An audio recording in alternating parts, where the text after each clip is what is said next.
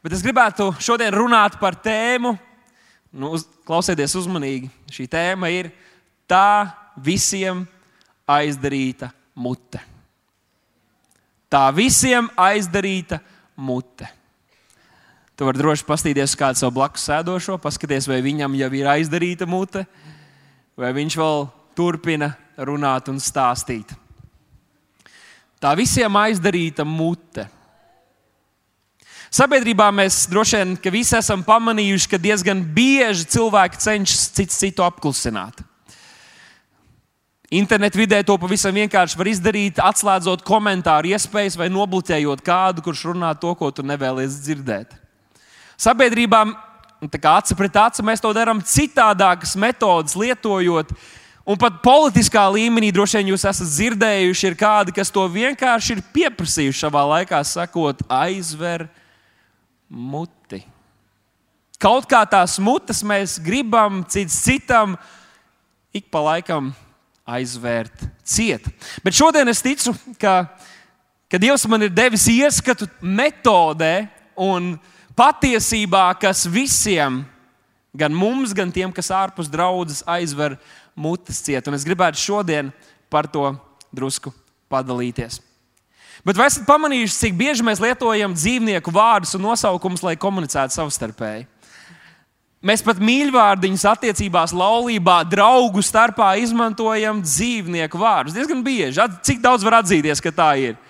Piemēram, pelīte, uh, cālītis, zaķītis. Un, kad mēs dzirdam šos vārdus, ja tas nav svešinieks vai kāds, kuram pilnīgi nepiedien, nebūtu piedienīgi šādus vārdus pret mums teikt, tad mēs gandrīz jūtamies labi, ka kāds pasakā, hei, cālītis, zaķīti. Tas ir diezgan mīļi. Lācīti. Pat biznesa haizivs. Cik daudziem jums patiktos, ja kāds jūs teikt, hei, tas ir biznesa haizivs? Cik daudz pats teikt rokas? Ja par jums tā pasakā, jūs uzreiz būtu taisnāka mugura, augstāks zots. Jā, jā, jā. Haizivs it kā, it kā nepatīk, bet ja tu esi haizivs, tad ir labi. es savus mazās meitiņus esmu uzsācis iesaukt, ne visu laiku tā sauc, reizēm arī vārdos, bet diezgan bieži sauc vienu par burunduku un otru par zebieksti.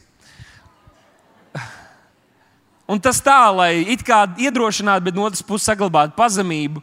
Jo skaistas meitenes tomēr nevar visu laiku par princesītēm saukt. Un es viņas tā sēve, saucu un dēvēju, un tad līdz mirklim, kad kādu no maniem radiem, iespējams, jūs viņus pazīstat, sāka man konfrontēt un teikt, hei, nu tā nevajag bērnus saukt. Viņiem tas var vēlāk attie, atsaukties uz viņu pašvērtību, kā viņi par sevi jūtās. Un es nebiju īsti pētījis, kā šie dzīvnieki izskatās. Vienkārši bija pirmā doma. Es pastījos uz to bērnu, un pirmā doma bija burunduks. Un tad no es eh, nodevos eh, dzīvnieku pētniecībai, izmantojot Google tehnoloģiskās iespējas, un paskatījos, ka abi šie patiesībā zebieksti pat vēl mīlīgāki par burunduku. Un tajā brīdī es sapratu, ka es turpināšu šos vārdus lietot līdz mirklim, kad mana paša sirdsapziņa man traucēs. Bet nevienmēr mums patīk, ka mūs dēvē dzīvnieku vārdos. Piemēram, ja tev pateiks gailis, tad tā nav laba asociācija. Gaļa nevienam nepatīk, visus kaitina no rītiem agri, visus modina, ka tu vēl gribētu pagulēt. Un olas arī nedod, tā kā īsta labuma nekāda nav. Nu, varbūt vēl viens variants ir kaza. kaza kuriem patiktos, kāda ir asociācija, ja tev pateikt, nu, kaza tu esi. Labāk cālītis. kaza. Nu, ne visai, lai gan Bībelē mēs redzam, ka par kalna kāzu vajadzētu dēvēt dzīves draugus, bet es jau kādā iekalpojumā teicu, vīri nedariet tā. Ne viss, kas Bībelē rakstīts, burtiski jāpārceļ šobrīd, 2000, 3000 gadus uz priekšu. Nu, mēs ne tikai lietojam vārdus, lai apzīmētu viens otru, bet arī, arī lai apzīmētu, kādi mēs esam. Piemēram, lēns kā gliemezis.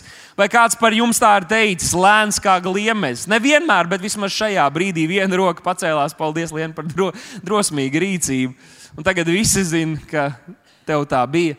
Esat padomājuši, cik aizvainojuši tas ir gliemežiem? Viņš visu dzīvi mokās, izdala, atvadās no sava ķermeņa šķidruma un visu savu dzīvi, savu pašu māju stiep sev uz muguras. Un mēs viņu par lēnu dēvējam. Karstā vasaras dienā mums pat paliek smagi maku kabatā ielikt, gribās kaut kur citur atstāt viņu. Gliemēs visu dzīvi nes, bet šādu mēs lietojam varbūt vēl kā pīle uz ledus, kā pīle uz ledus. Es arī esmu tādu izteicienu lietojis, bet pateikšu godīgi, es nekad dzīvē pat neesmu redzējis kā pīle uz ledus.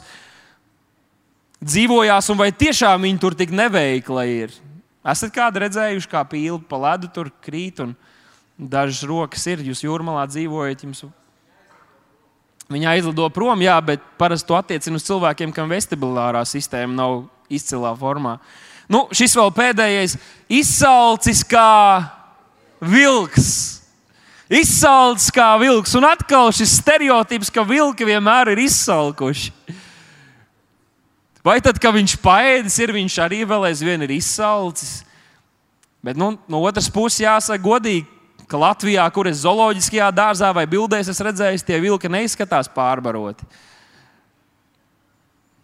Šodien man jautājums tev, vai tu esi izsalcis kā vilks pēc dieva valstības, pēc viņa taisnības, vai tu esi izsalcis kā vilks redzēt viņa darbus, vai tu esi izsalcis kā vilks saņemt viņa vārdu, ļaut, lai viņš šodien mūs izmaina, lai mēs izējām ārā mazliet vairāk pabaroti, mazliet vairāk līdzīgi viņam. Jo, ja tas izsalkums nav, tad tā pabarošana arī nesanāks. Ja tu tāds neesi šajā rītā, tad tu sev esi izdarījis lāču pakalpojumu. Apskatīsimies, kā Bībele lieto salīdzinājumus ar dzīvniekiem. Mateja Vāģelī 23. nodaļā Jēzus skatās uz Jeruzalemi un viņš saka, Jeruzalemi, Jeruzalemi, tu, kas nokauj praviešu, nomētā tos ar akmeņiem, kas pie tevis sūtīti. Pastīsimies, kā viņš runāja par Jeruzalemi. Viņš teica, cik reižu es gribēju sapulcināt ap sevi tavus bērnus, kā vista sapulcina savus cālīšus apakš saviem spārniem bet jūs to negribējāt. Ja runājam par tēva sirdi, ja mēs runājam par dieva sirdi, tad šeit mēs tik skaisti varam tajā ieskatīties. Viņš skatās uz Jeruzalemi, kas taisnos ir slepkavojusi, bet viņas sirds ir mīlestības pilna. Viņas sirds ir mīlestības pilna. Viņš skatās tur cilvēku ar lepniem ēzeļiem apkārt jāj. Kādas modelis staigā pa ielām, bet viņam nav šādu skatījumu, vai viņiem laikam neko no manis nevajag. Nē, viņam ir šī tēva sirds, mīlestības sirds.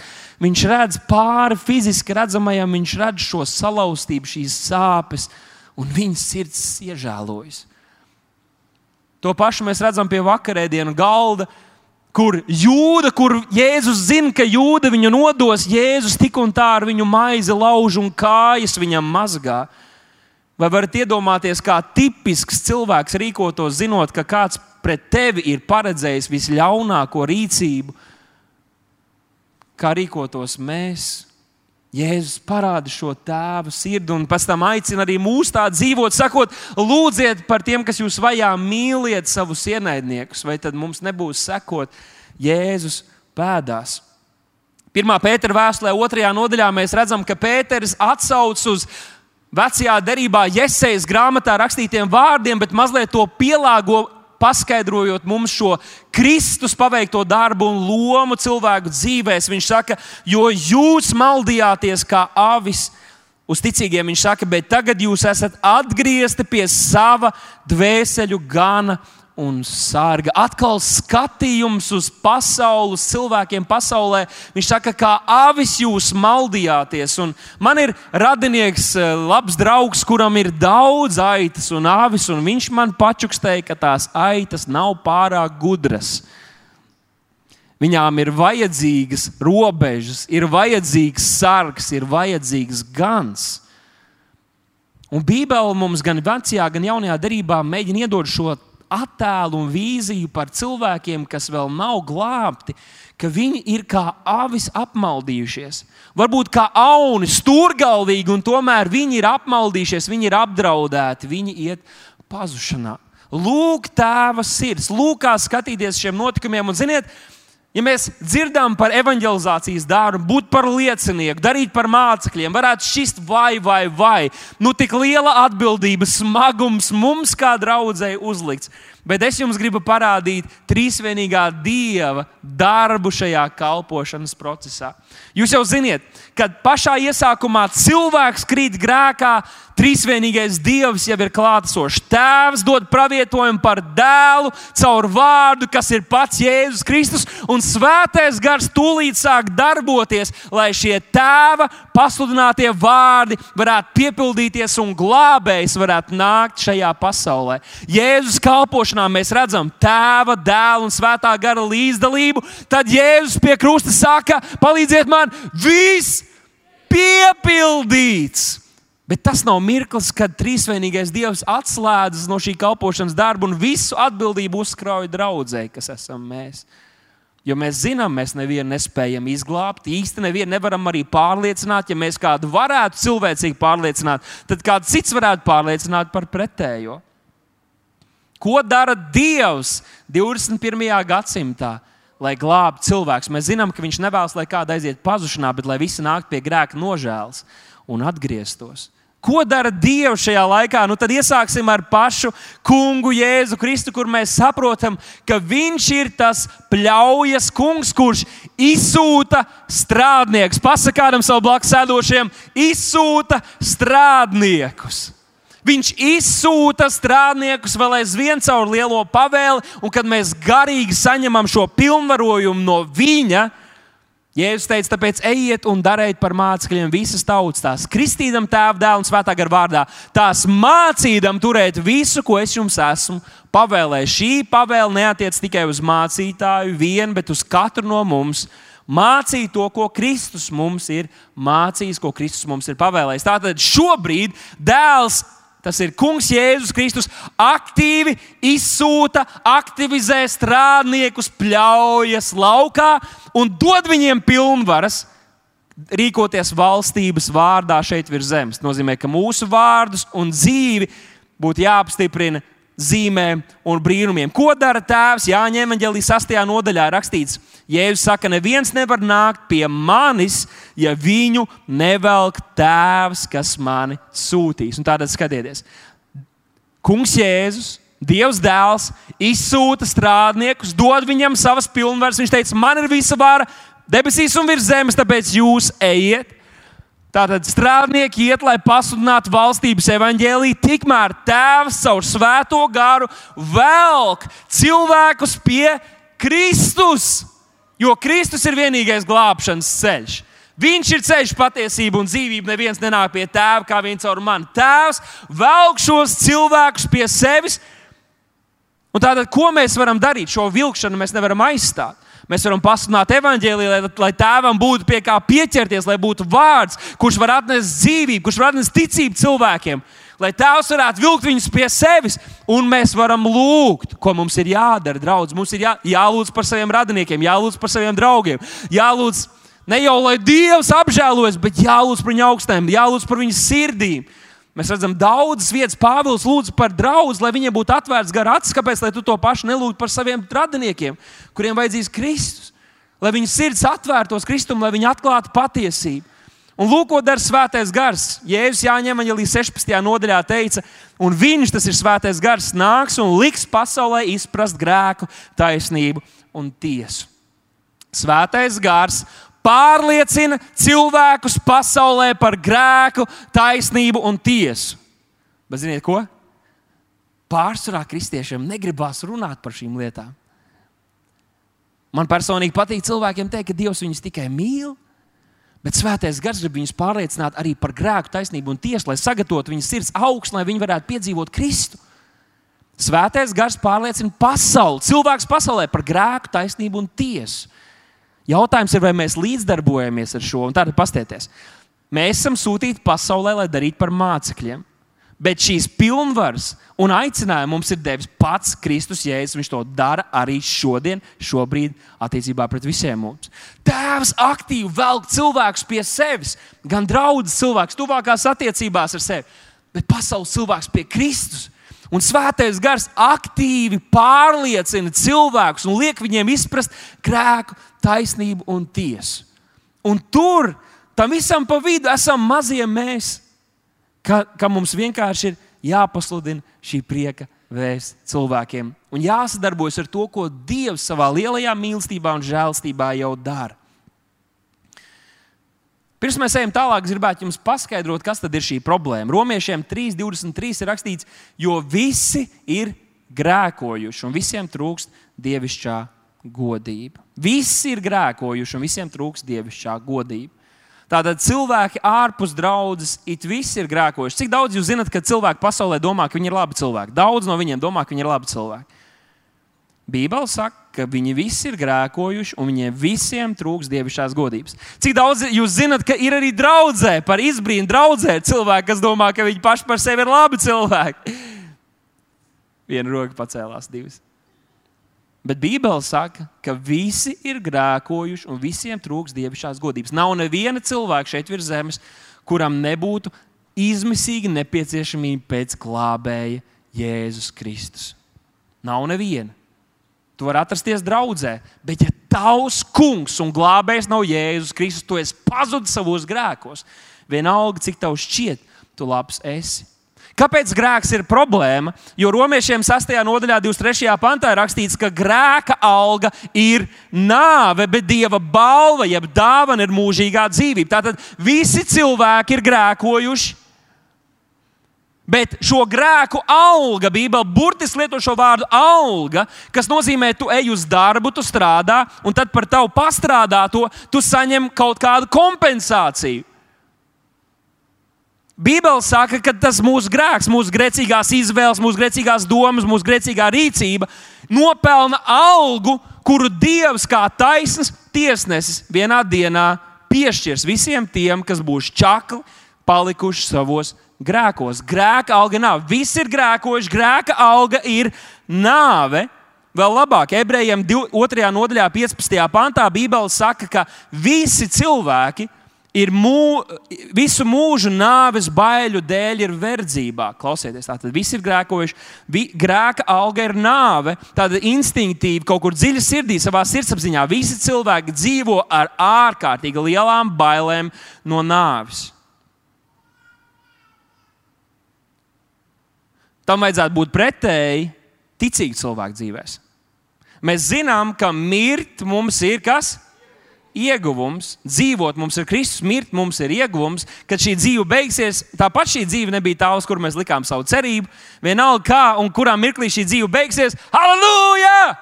Mēs būsim debesīs kopā ar mūsu mīļoto, mūsu tēvu, iemantojot visu to, ko viņš ir mums dot viņā dienā. Bet cilvēkam, kurš ir pasaulē, tā ir visa viņa dzīve, tas ir viss, kas viņam ir. Bībele saka, ka mēs varam rēķināties ar to, ka vairumam cilvēku, kuri nav pavisam nocietinājuši savus sirdis, ir iekšēji liels bailes no nāves. No tās dienas, kur tu nezini, kur tu nez, nez, nezini, kas tur tālāk notiek.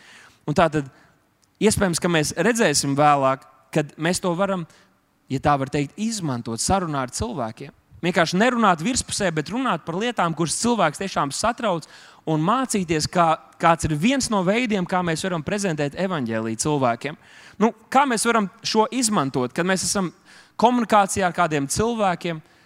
Tev nav uzreiz jāmetās viņam ar draugu, ar jēzu virsū. Vienkārši paprasti, hei, vai tas kādreiz domājis, kas notiek pēc nāves? Un tajā mirklī tā saruna tev pilnībā atvers evaņģēliem, atvers tam, ko Bībele māca, un ļauj viņam pastāstīt.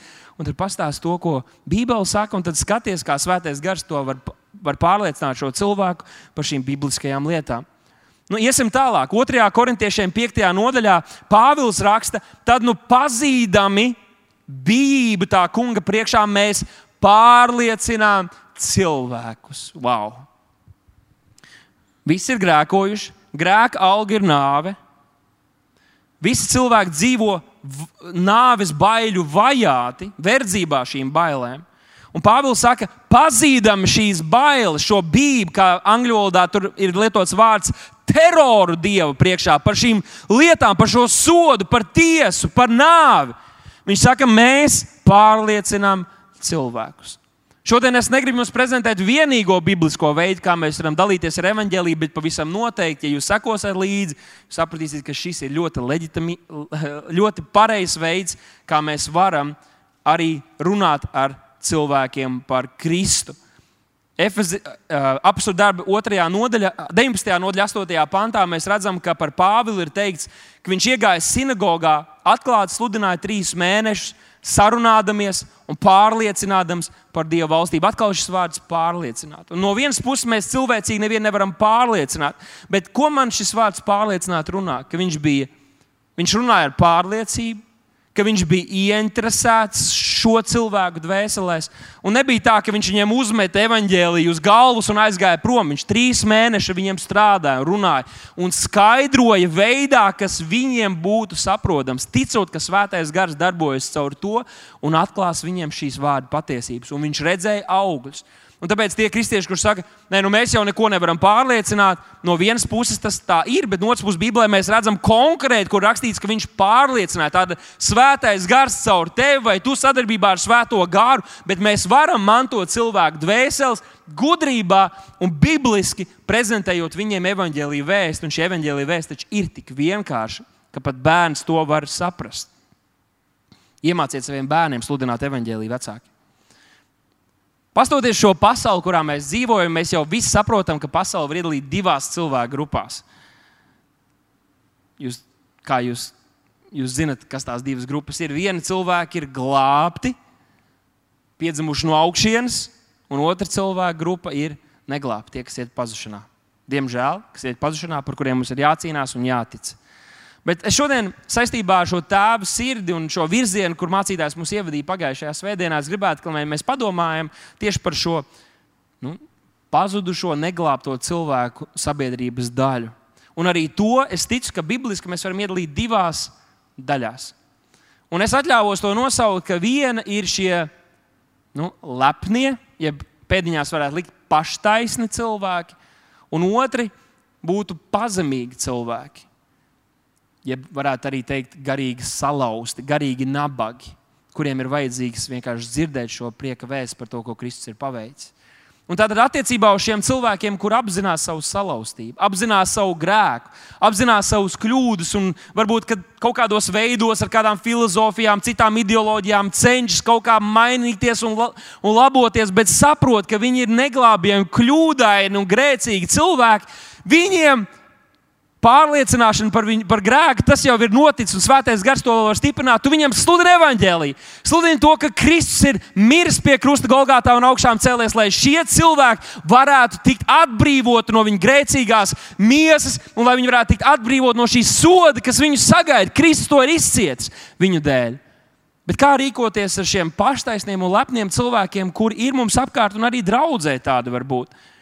Un es uz, uzdrošinos apgalvot, lai gan viedokļi mums var atšķirties, ka tādi cilvēki ir vairums mums apkārt.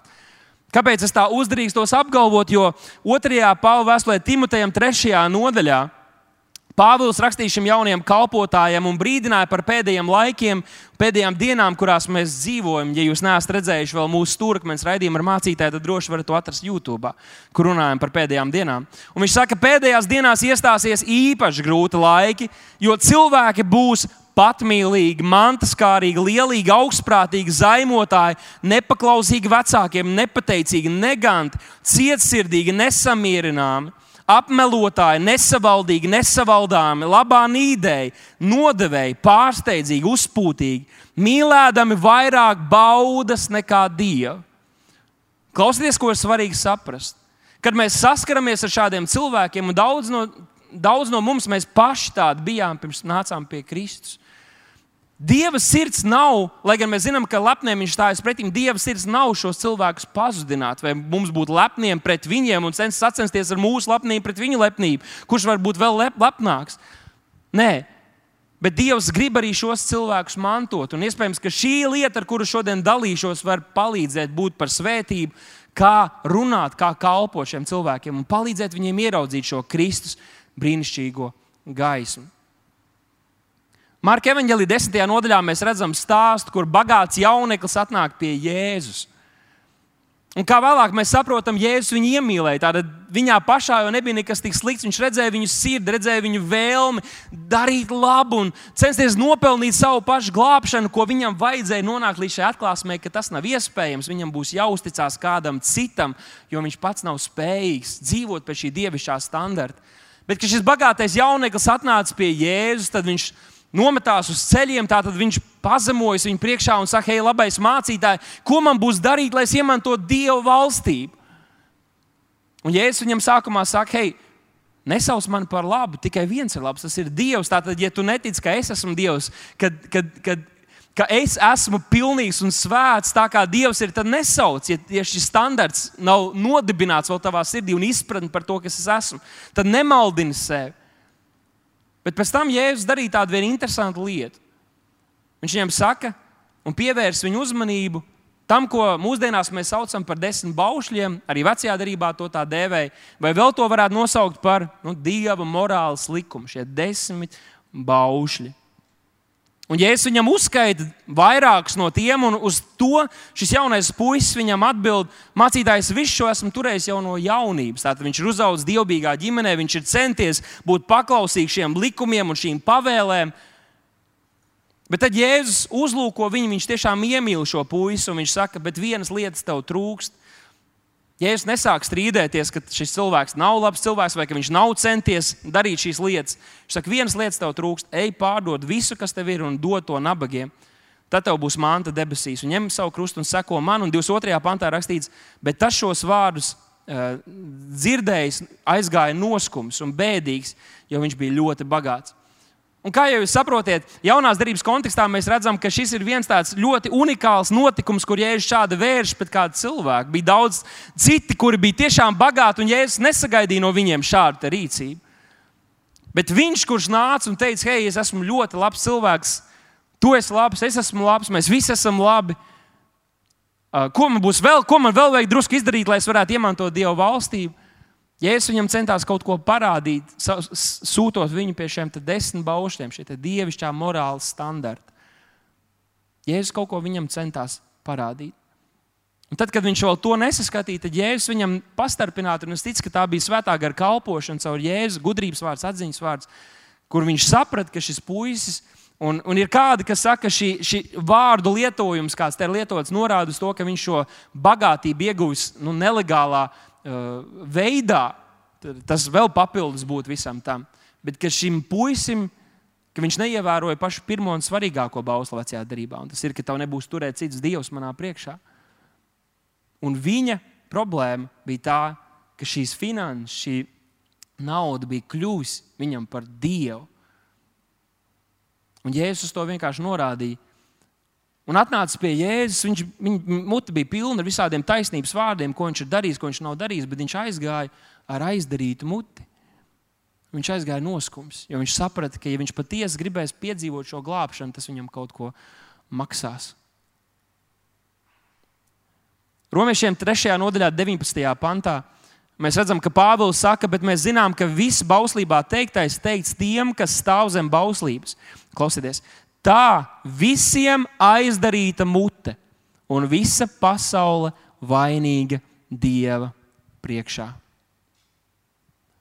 Kad šis Dieva morāles standarts tiek nolikts tavā priekšā, tad vienalga, cik paštaisns un labs un brīnišķīgs cilvēks tev šķiet, ka tu esi, tava mute tiek aizdarīta, un tu saproti, wow, es ne tuvu nesmu pat nevaru pieskarties šim dievišķajam, labā standartam, morāles standartam. Man ir vajadzīgs glābējs. Tātad šis morāls likums morāls likums. Jūs zināt, ka tas sastāv no desmit baušļiem, un kā vēlāk mēs vēl paskatīsimies. Tāpēc tie no jums, kas jūs uh, nu pat jau esat gatavi aizskriet prom emocionāli, dusmīgi, ko tad mēs esam žēlastībā, kāda tur vara bauslībai pār mums. Pēc mirkļa mēs skatīsimies, tie, kas esam Kristu Jēzu bauslībai, nav varas pār mums, un tomēr, vai dzīvojot dievbijīgas dzīves, Un vēloties izpatikt Dievam, vai mums vajadzētu aizmirst par šīm pavēlēm un likumiem, kādas viņš ir teicis, vai tieši otrādi tos arī no mīlestības uz viņu mums vajadzētu no sirds censties turēt. Nu, pirmo jūs jau ziniet, tev nebūs cits dievs turēt manā priekšā. Otrais, netaisa velku tēls. Un kristīgā kultūrā man ļoti patīk, kā to var skaidrot. Ne jau, ka tev mājās ir govs, kur tu pielūdz, bet ka tu pats izveido dievu pēc savas līdzības. Tu noņem to raksturvietu, to, ko mācītājs sludina. Nē, nu, tas īsti nav mans dievs. Mans dievs ir tāds. Mans dievs mīl un pieņem visu. Man nav nekas jāmaina savā dzīvē, jo dievs mani mīl. Nu, tu esi izveidojis savu velku un tu nepielūdz patieso dievu. Kā ir ar trešo? Attiecībā uz draugu mēs varētu teikt, tev nebūs tā kunga savu dievu vārdu nelietīgi valkāt. Cik bieži mēs, kad esam pārsteigti, iesaucamies ak, vai kādi pat jūs, es zinu, lietojat mūsu kungu un glābēju vārdu pamīkstinājumu formā, kad esat pārsteigti vai sašutuši. Un, manuprāt, ka mums tā nevajadzētu rīkoties. Mēs varam paskatīties pat uz 4. balstu, tev piemina sabadienu, ka tu to svētī. Cik daudz mēs, kā kristieši, esam nosprauduši vienu dienu mūsu ģimenē mūsu dzīvē, dienu, kur ir tam kungam. Un lūst, vai kas tur zinu, ka tā bija manā ģimenē, tā bija manas sievas ģimenē, tā būs manā ģimenē, ka svētdiena ir diena, ko mēs veltam Dievam. Mēs būsim draudzē, tur vai kas, mēs kalposim Dievam, mēs kalposim cilvēkiem. Bet ir tik daudz kristiešu, kas Dzīvo pa dzīvi, zina, kā vienreiz mēnesī aizies, vienreiz mēnesī atvēlēs kādu dienu tam kungam. Es nesaku, ka tas ir tas, kā mēs tiekam glābti. Ļaujiet man, ceru, ka jūs man saprotiet. Bet šie likumi, vai tie mums nav saistoši, vai mums nevajadzētu ar bīgām sirdīm vēlēties izpatikt tam kungam? Godini savu tēvu, māti, tev nebūs nokaut. Kad es uz ielām liecinu, tas bija arī šajā otrdienā. Kādreiz es varu izmantot šādu arī plakātiņu, un tad es runāju ar cilvēkiem. Šajā otrdienā, piemēram, tur pienāca viena meitene ar savu draugu pulku, un, un tā meitene prasa, hei, ja, ja tu vari man pierādīt, ka tu esi labs cilvēks, tas rāda 20 eiro, saka, es tev došu tos 20 eiro. Un viņi pārliecināti pienāk, un viņi man sāk stāstīt, hei, jā, es esmu labs cilvēks, draugs saka, jā, viņa ir labs cilvēks. Un tad es viņai prasu, nu, kā tu man vari pierādīt, ko, ko tādu es labi darīju, ka tu esi labs cilvēks. Viņi pastāsta šādu lietu, tādu lietu, saka, hei, super, kaut vairāk jaunieši darīja tādas lietas, kā tu dari. Bet nu, paskatīsimies pēc tāda morāla standarta, ja mēs visi varētu vienoties, kas ir morāla izcelība, kas ir Dieva likums. Dievs, kurš deva tev dzīvību, lūk, šis ir tas, ko viņš pamatā ir teicis, kas ir, kā mums vajag dzīvot, ja mēs gribam dzīvot labas dzīves. Vai tu kādreiz esi melojusi?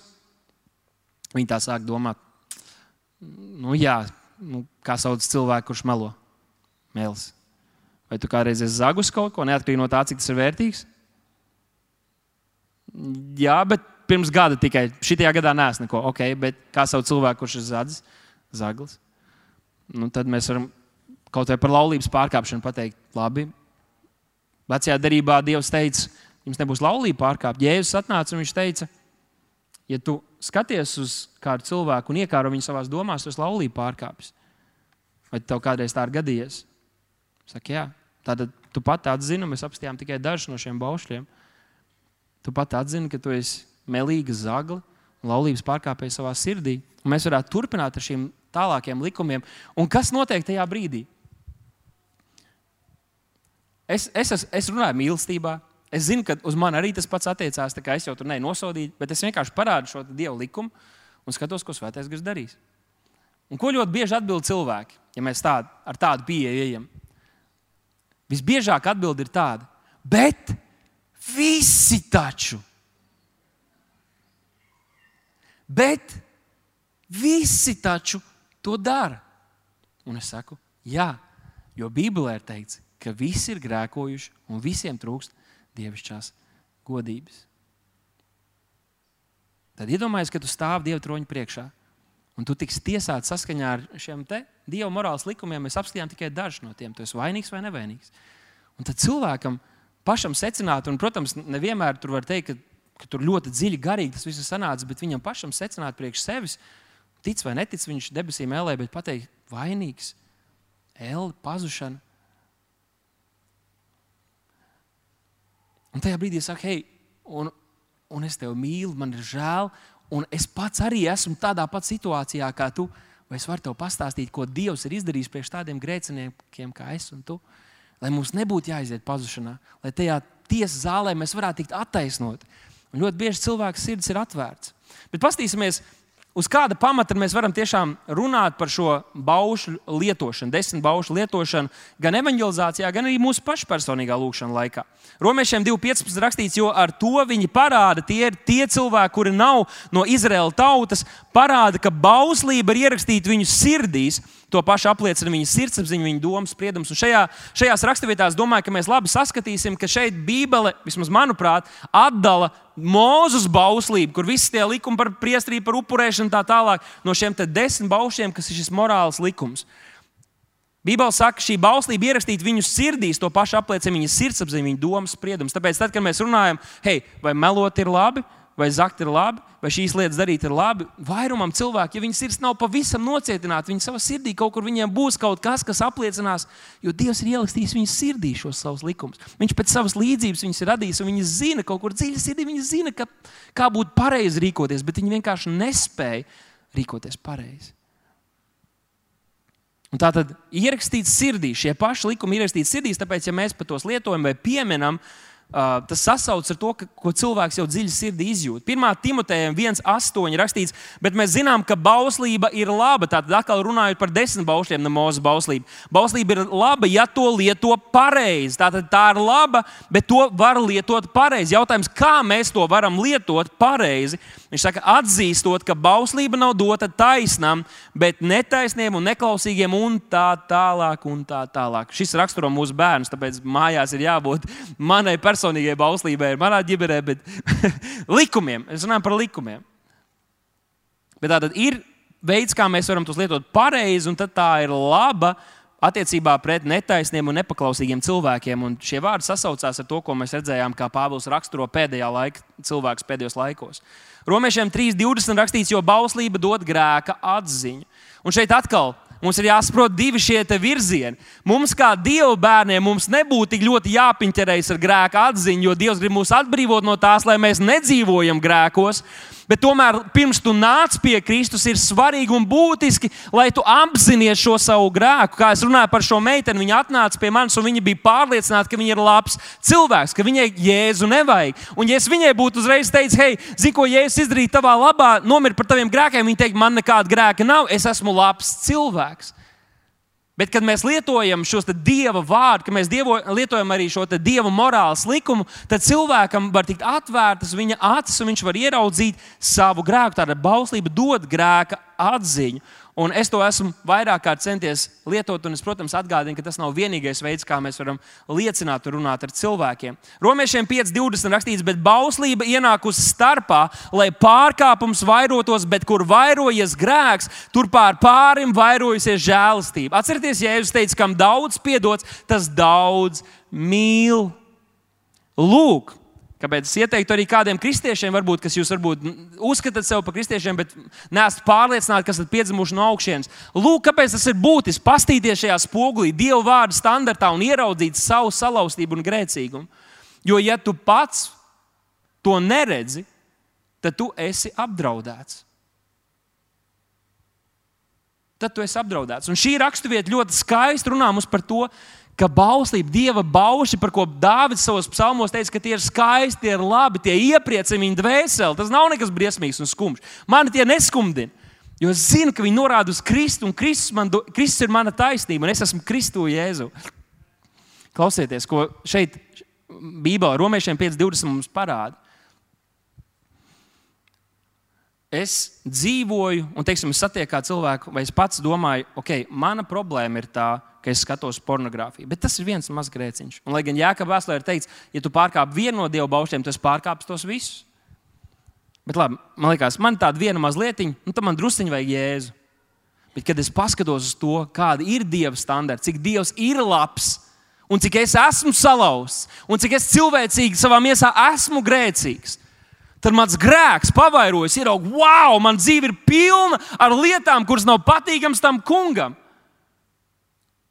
kuru dēļ būtu jānāk sodam. Bet skatieties, ko Pāvils saka, bet kur šis grēks pavairojas, tur pavairojas arī žēlastība. Un tā, nu, ja es neskatos šīm lietām, un es saku, man ir šī viena problēma manā dzīvē, pārējās man viss ir kārtībā. Kur Jēzus teica, ja tu dusmo savu brāli, tu viņus nokāps, tad tas standarts visam cits. Man ir šī mazā problēma. Tad es saku, Lūk, te man ir jēzus, pārējās lietās es, es labi tieku galā. Draudzē. Bet, ja skatos, man te ir problēma, man te ir problēma, un varbūt, ka tu šodien atnāc un domā, bāc, es visiem iet tik labi, man, man, man iet grūti, es cīnos šajā un šajā sfērā, tad šī ir patiesībā atbrīvošanas vēsts tev. Jo manā dzīvē ir tā, te man ir problēma, te man ir problēma, te man ir problēma, te man ir problēma, kur es skatos uz priekšu, tur man ir problēmas, tur man ir grēki, tur man ir klupieni, tur man ir visādas sliktas lietas. Pastos atpakaļ arī man ir labāk nekā bija kādus gadus atpakaļ, bet tik un tā, pastos pa labi, pastos pa kreisi, visur. Man ir problēmas, es netieku galā ar savu dzīvi. Man vajag jēzu. Un tagad es dzirdu evanģēliju, un tagad skatos, te man ir jēzus, atbild, te man ir jēzus, atbild, te man ir jēzus, atbild, te man ir jēzus, atbild. Pastos pa labi jēzus, pastos pa kreisi jēzus, pastos priekš jēzus, pastos atpakaļ jēzus. Lūk, pavairoju žēlstību, tāpēc man nav kauna nokrist ceļos teikt, Jēzus ir vienīgā mana taisnība. Es esmu pazudis grēcinieks pēc diviem Desmit gadiem draudzēs pazudis grēcinieks. Ja man nav jēzus, man nav nekā. Jo kur pavairojas šis grēks, un es redzu savu salauztību Dievu priekšā, tur jau vairāk Dieva žēlastība nāk pār manu dzīvi. Tāpēc nebaidies arī atzīt, jā, mēs esam Kristu Jēzu, mēs esam svēti Dievam patīkami, bet cilvēcīgi esmu salauzts, un Kristus ir mana taisnība. Un tas nav slikti, ka, ka cilvēki to var ieraudzīt. Un šis Dieva spogulis var palīdzēt viņiem to piedzīvot. Un par šo tēmu runājot, varētu vēl vairākas raksturvietas rādīt, bet šī ir pēdējā, ko es gribu jums parādīt par, par desmit baušļiem, par Dieva morāles likumu. Galtiešiem 3,24. Jūs šo noteikti esat lasījuši, kur rakstīts, ka bauslība līdz Kristum ir bijusi mūsu audzinātāja. Viņš raksta to Galatijas draugai, kur es pieņemu, ka tur daudz ir arī pagānu ticīgie, lai mēs ticībā kļūtu taisnoti. Ko tas varētu nozīmēt? Dieva, dieva bauslība, dieva baušļi nav ļauni un nav slikti, ja tos lieto pareizi. Patiesībā Dievs tos deva cilvēkiem. Un visā, ko Dievs dod, ir kaut kāda svētība. Un šajā vietā mums Pāvils cenšas parādīt, ka šis Dieva morāls standarts un likums ir kā audzinātājs, kurš var paņemt mūs pie rokas. Jūs zināt, ka bērnus ir grūti kādreiz savākt. tu sauc, un viņš nenāk, viņš nedzird, viņš ir savā pasaulē, viņš tur savu dzīvi dzīvo. Tu viņu sauc, sauc, viņš ir apdraudēts jau, bet viņš nedzird tevi, viņš nenāk pie tevis. Lūk, te noder, ka blakus ir kāds audzinātājs, piemēram, kurš paņem viņu pie rokas un atved līdz vecākiem. Lūk, drošības vieta. Ja cilvēks skraida apkārt, viņam nav šis audzinātājs, viņš pats sev skādē.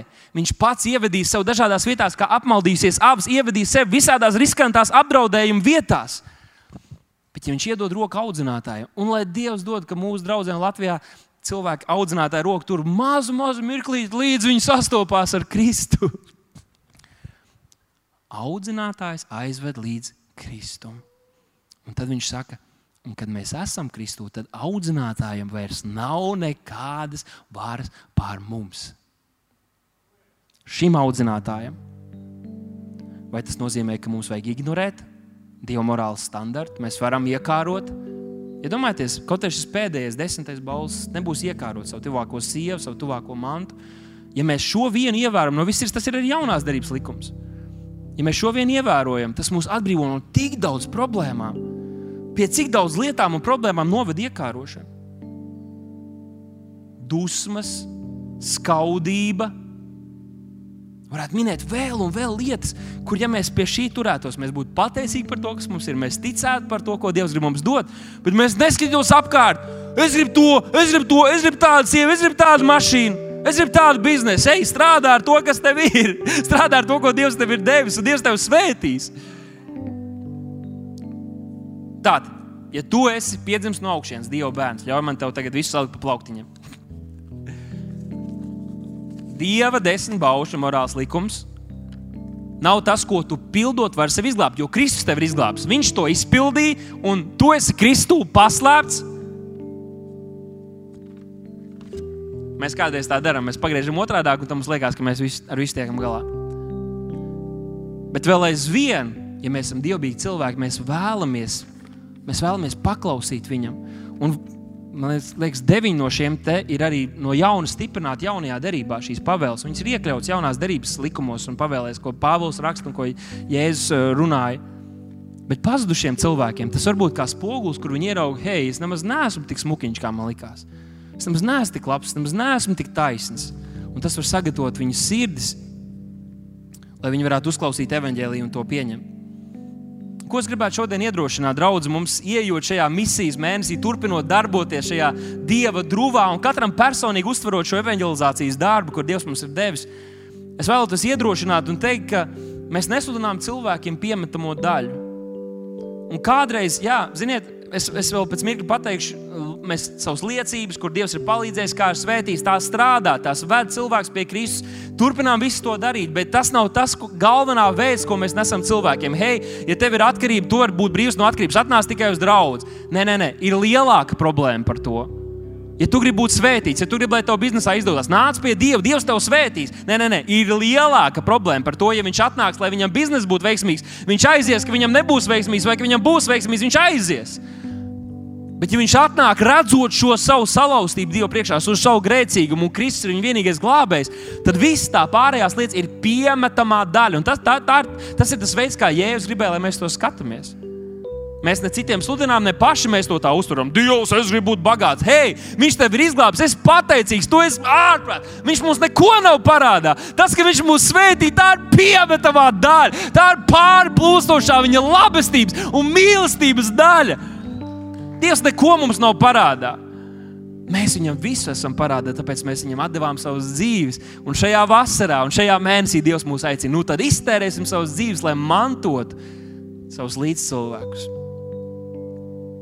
Jūdas vēstulē, 1. nodaļā, 22. pantā ir rakstīts šādi vārdi: Esiet žēlīgi pret tiem, kas šaubās. Tātad parādiet žēlsirdību, un te var to attiecināt gan uz cilvēkiem, draudzē, gan ārpus draudzes. Esiet žēlīgi pret tiem, kas šaubās. Tātad izturieties žēlīgi, bet tad pastieties, citus glābiet, izraujiet tos no uguns. Tad ne, ne pret visiem cilvēkiem mums vienādi ir jātiec, un ar vienādu manieru jāiet, ar vienādu, varbūt, ja, ja tā var teikt, šo pieeju jāiet. Viņš saka, citus izraujiet tos no uguns. Par citiem atkal apžēlojieties, bet ar bailēm. Pilni riebumu pret viņu miesas aptraipītajām dvēselēm, tātad pret grēku, pret visu, kas ir no šīs pasaules. Mēs izjūtam riebumu, bet mēs mīlam un iežēlojam, mēs esam žēlsirdīgi par šiem cilvēkiem, kas iet pazušanā. Viņš saka, izraujiet no uguns. Un šeit man nāk prātā šī, šī, eh, šī, šī, šis attēls par ugunsdzēsēju. Mēs esam vairāk reizes to dzirdējuši, bet es gribu jums atgādināt to. Nu, iedomājieties, ka deg daudz stāvu māju, tur ir cilvēki, bērni, kurus ir jāizglābj Un piebrauc ugunsdzēsēji mašīna, un tas ugunsdzēsējs tur ir pārāk aizņemts. Viņš grib noskatīties vēl to jaunāko raidījumu. Tieši tiešraidē tagad ir vai sporta spēle.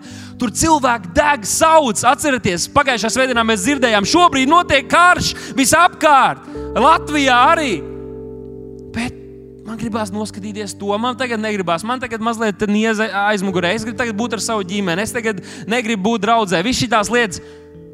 Kā mēs izturētos, kā mēs skatītos pret šādu ugunsdzēsēju? Visi nosūtīja, teikt, hei, tas ir tavs darbs, tas ir tavs pienākums.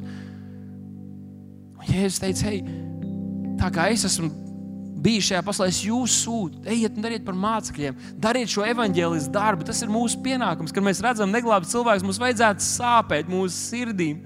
Un lūk, Tēvs, lieto man, lieto kādu citu, lai pasludinātu viņiem evaņģēlīju. Tā ir mana lūkšana. Tēvs, es gribu, lai mans sirds aizvien vairāk tiek salauzta par Latviju, par cilvēkiem šajā sabiedrībā. Un es zinu, ka tā ir arī tava sirds. Ne tikai pašiem būt glābtiem un svinēt to, ka mēs kādu dienu būsim debesīs, bet pēc iespējas vairāk izraut no uguns, izraut no liesmām, būt šiem ugunsdzēsējiem, kas drosmīgi iet un dara savu darbu. Un tev varbūt šķiet, hei, nu, Nevēl tas neesmu ugunsdzēsējs, man bail no uguns, es negribu pats apdegt. Nu, iedomājieties, ka tavs teiksim, augstā ūdenī, mūsdienās tas jau ir populāri. Bet pārsvarā tomēr cilvēki negrib ledainā ūdenī, un negribētu ne par ko kāpt. Es nevarētu nekādīgi piespiest tevi iekāpt ledainā ūdenī. Bet tagad iedomājieties tā, jo nu, viss, kas tu esi, pret tevi ir tā kā es to nevaru, es to negribu. Bet tagad iedomājieties, ka tajā ledenajā ūdenī kaut kur ir iekritis tavs bērns. Neviens tevi nevarētu atturēt no tā, ka tu iemestos tajā ūdenī. Neviens.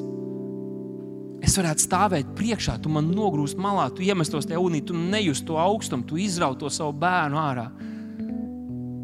Lūk, šī tēva sirds. Man bērni iet pazušanā.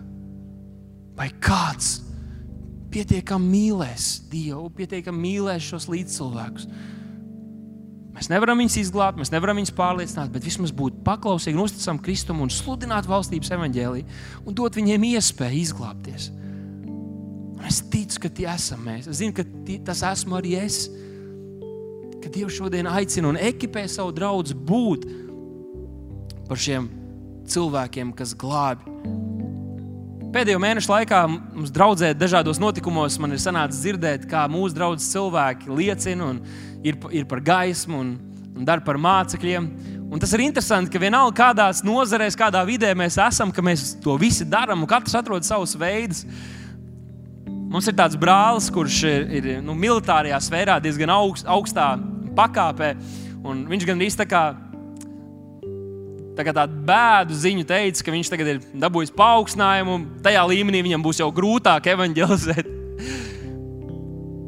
Mums ir liela uzņēmēja, kas, kam ir ļoti, ļoti daudz simtiem darbinieku, kas domā un lūdz Dievu, kā Tu nevari burtiski rakstīt, bet kā ielikt šos evaņģēlīju vēstus, kādos lielos ēpastos, ko sūta kādās svētku dienās, kur tu lūdz Dievs lieto, lieto mūsu. Ir, ir kāda māsa, kas trešdien dalījās, kas vilcienā, kad viņa brauc uz draugu vai uz savu darba vietu, kas vilcienā aktīvi dala šos miljonu bukletus un cenšas runāt ar cilvēkiem. Ir cilvēki, kas iet iela evanģelizācijās, un otrdienā arī jums ir iespēja pievienoties vai pat pašiem brīvi mazajām grupām aktivizēties, darīt to. Ir visdažādākie veidi, ir tik daudz mūsu draudzē, kas sociālajos tīklos ne jau visu laiku, bet ik pa laikam redzēt, ir kāds, kas atkal pasludina, kas atkal pastāsta cilvēkiem. Un man liekas, wow, tas ir tik brīnišķīgi, ka mēs to darām, ka mēs esam tik mīlestības pilni. Un es gribu iedrošināt tevi, draugs, gribu iedrošināt tevi, dārgais brāl un māsas. Neļauj, lai šī uguns izdziest, neļauj, lai šī vasara noņem tavu misijas uguni, neļauj, neļauj lai šī vakar, vasara noņem šo tavu mīlestību arī uz pasauli, jo tā ir dievišķa tavā sirdī.